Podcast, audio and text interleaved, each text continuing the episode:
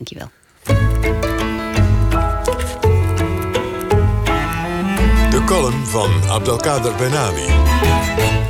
Wanneer de dagen korter worden en duisternis intreedt, zoek ik mijn heil in de online fotobibliotheek van het Nationaal Archief.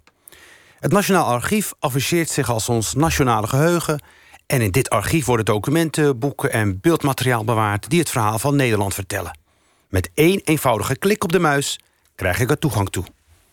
Ik wil weten wanneer de eerste Marokkanen in Nederland zijn gefotografeerd. Vijftig jaar geleden kwamen de eerste Marokkaanse migranten naar Nederland in het kader van de economische wervingscontracten die toen werden gesloten tussen de beide landen. Maar lang voor het wervingscontract kwamen er al Marokkanen naar Nederland. Marokko was bijvoorbeeld het eerste land dat diplomatieke betrekkingen aanknoopte met de Jonge Republiek in 1605. Liever Turks dan Paaps was de uitdrukking die in de lage landen werd gebezigd. En dan stond Turks voor moslim. Onbekommerd struin ik door het archief van het Nationaal Archief.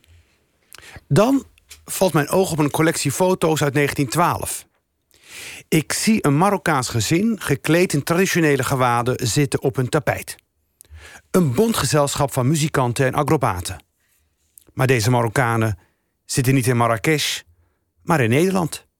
In Amsterdam, waar ze zijn samengebracht voor een tentoonstelling over het Marokkaanse leven. De grote tuin voor het Paleis van Volksvlijt is omgebouwd tot een ware Marokkaanse bazaar. De Nederlandse bezoeker kan als het ware in eigen land op bezoek in Marokko. Welkom in de Witte Stad. Het Marokkaanse gezin op de foto is een bezienswaardigheid. Op een andere foto stapt een Marokkaanse man met traditionele vis op in een grote koets, de Jan Plezier, voor een rondleiding door de stad. Een reclamestunt om het Amsterdamse publiek te verleiden naar de levende exoten te komen kijken. Deze grote groep Marokkanen maakte deel uit van een etnologische tentoonstelling die in die tijd enorm populair waren. Je kon je op dat soort tentoonstellingen vergapen aan Hottentotten, Pygmeeën, Mooren, Chinezen, Indianen en Kriolen.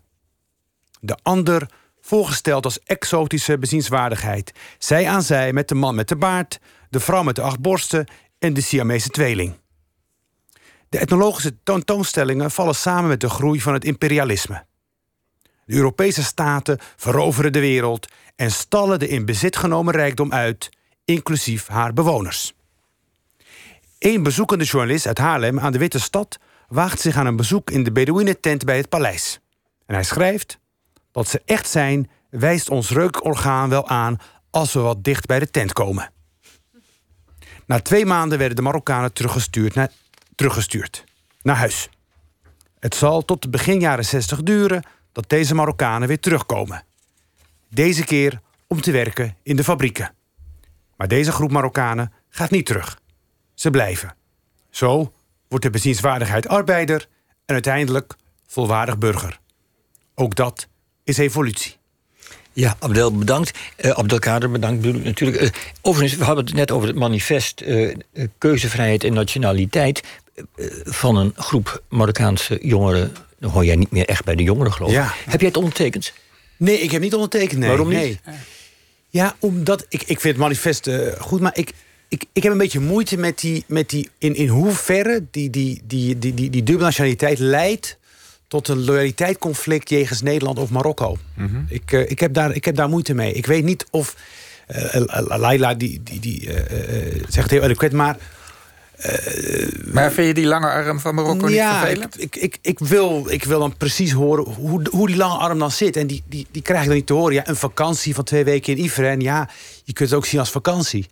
Maar we gaan het hele gesprek niet over doen. Nee, precies, ja, Leila zie ik als nee, maar het is goed, het is goed. Maar Leila, je bent het dus duidelijk niet mee eens. Jullie gaan nee, dit straks nee. nog Kijk, even ik uitpraten. ben het op beide punten niet mee eens. En dat is uh, enerzijds, dit gaat helemaal niet over een loyaliteitsconflict. Er is geen sprake van een loyaliteitsconflict. Ik ben Nederlands burger en ik wil vrij zijn om te kiezen tussen uh, om een nationaliteit te verliezen, zoals alle andere. Daar ben ik voor. Daar ben ik trouwens voor. Ik ben er voor dat Ja. je dat je dat Het woord je loyaliteit, afstand kan ja, doen of absoluut, nee. ja. Maar Oké, ehm, maar daar gaat het manifest om. Dus dan Ja, kan je dus het gewoon lo- ja, tekenen. dus Oh, dat- hier, ja. hier, hier. Nee, dus dat- Maar die dat maar bezwaar die- maar is er niet, Maar de je, negatieve ja. bejegening Ja. van een dubbele nationaliteit, eh, daar ga ik niet in mee.